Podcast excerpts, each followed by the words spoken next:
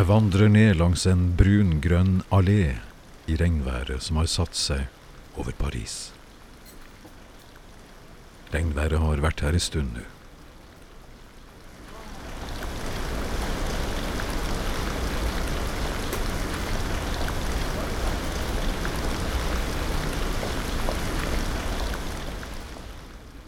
Det er alle disse luktene. Det lukter piperøyk et sted. Varm lunsj krydra med timian et annet sted.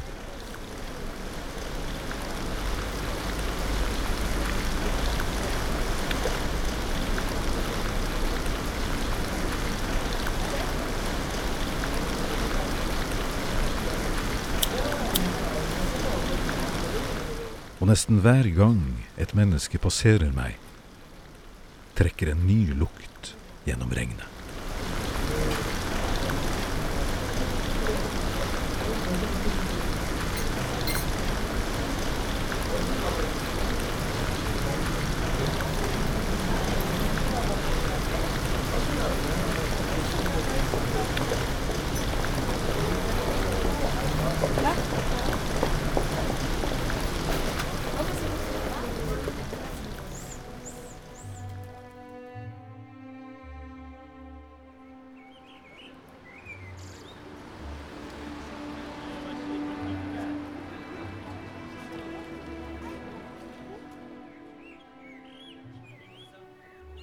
En mann med briller og høye sko krysser meg foran. Og han lukter en blanding av gamle bøker og myk såpe.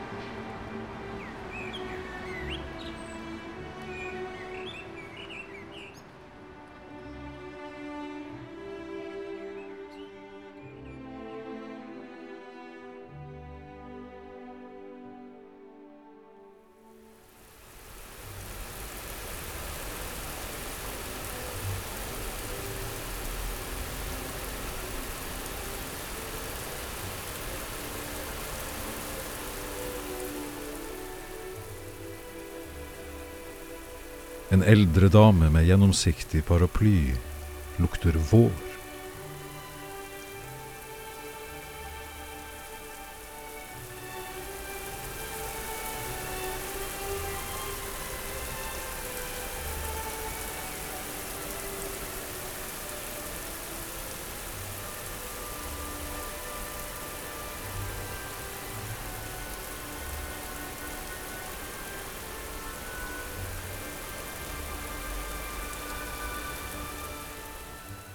Ei kvinne i 30-årene med brun høyhalsa genser og rødt skjerf gir fra seg en sterk lukt av modighet, uten at jeg greier å plassere parfymen hennes annet enn i hovedkategorier.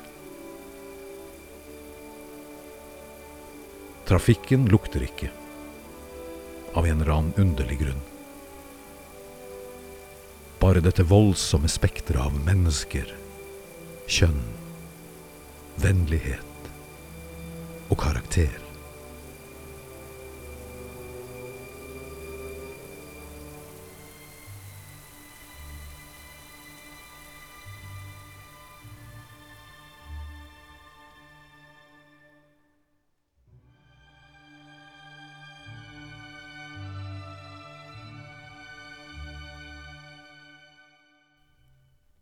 Neste dag er Paris kvelende varm.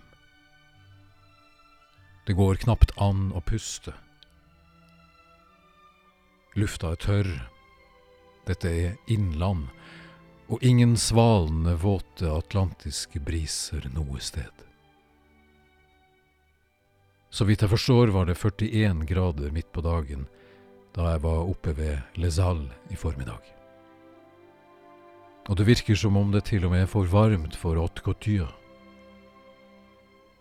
Ja, en og annen usannsynlig dyr topp og flortynn sommerkjole, en og annen skjorte med eksklusivt snitt vandra nok gjennom de tørre gatene forbi meg. Men i dag var ikke dagen for å vise seg fram. Dagen i dag har krevd evne til improvisering og praktisk sans. Det står et enormt tre på sørsida av Pont oppe i krysset. Stammen forteller at det nok har stått der i 200 år eller mer. Treet har altså sett det meste. Revolusjon, krig, elskere, sorg og gjenforening. Og under dette treet står en grønn fontene, forma som en slags brønn, der lokket holdes oppe av fire kjølige jomfruer støpt i bronse.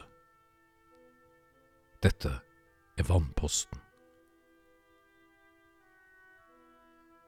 Den tynne strålen av vann lager en lyd som trekker ører nærmere.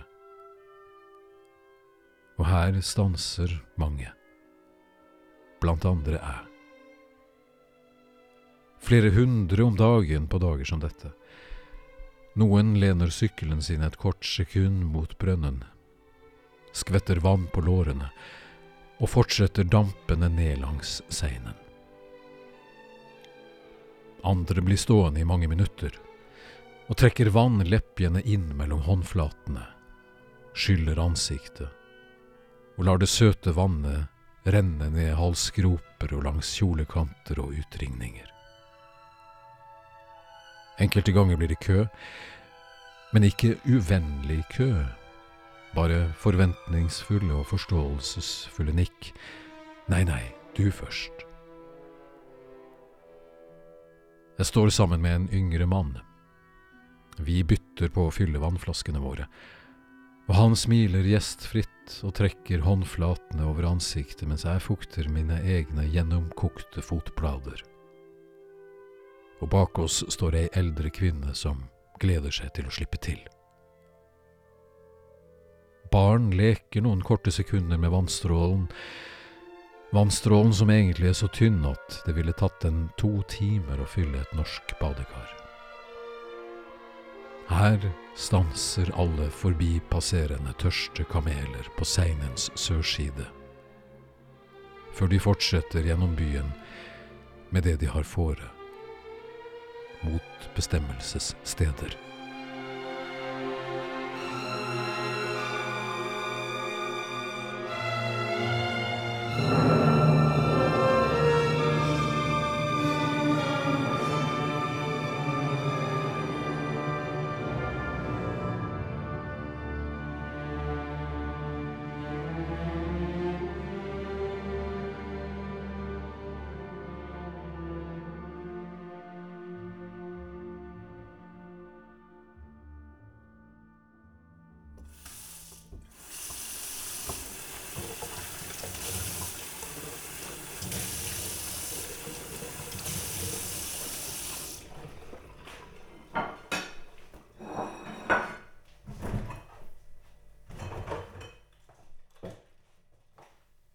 Seinere på kvelden står jeg på kjøkkenet på hospitset der jeg har leid meg inn.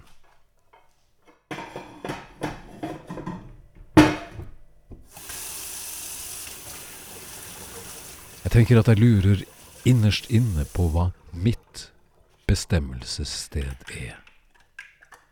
Innerst inne.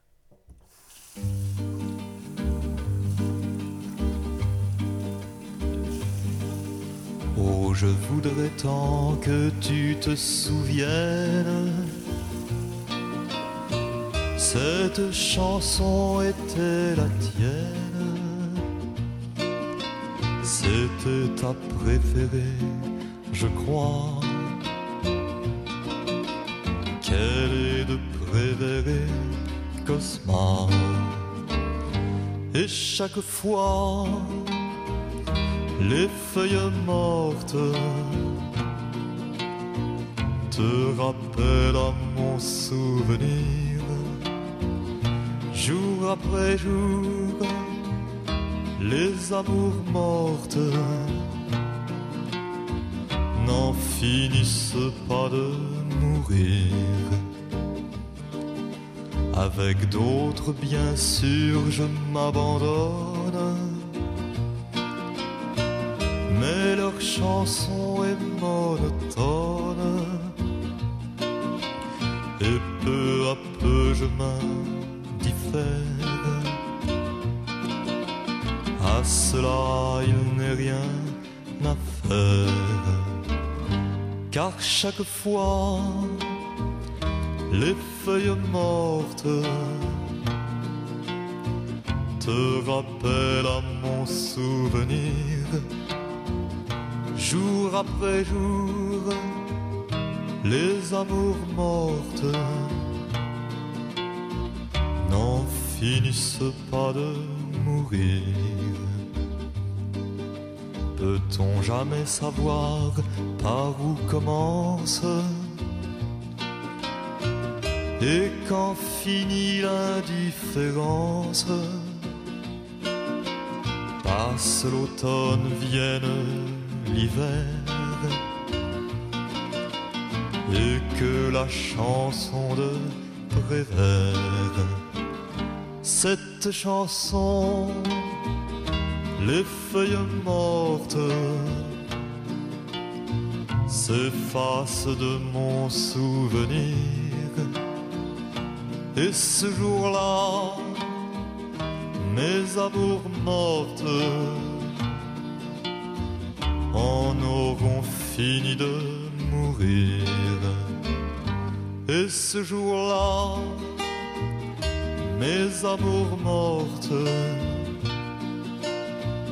en auront fini de mourir.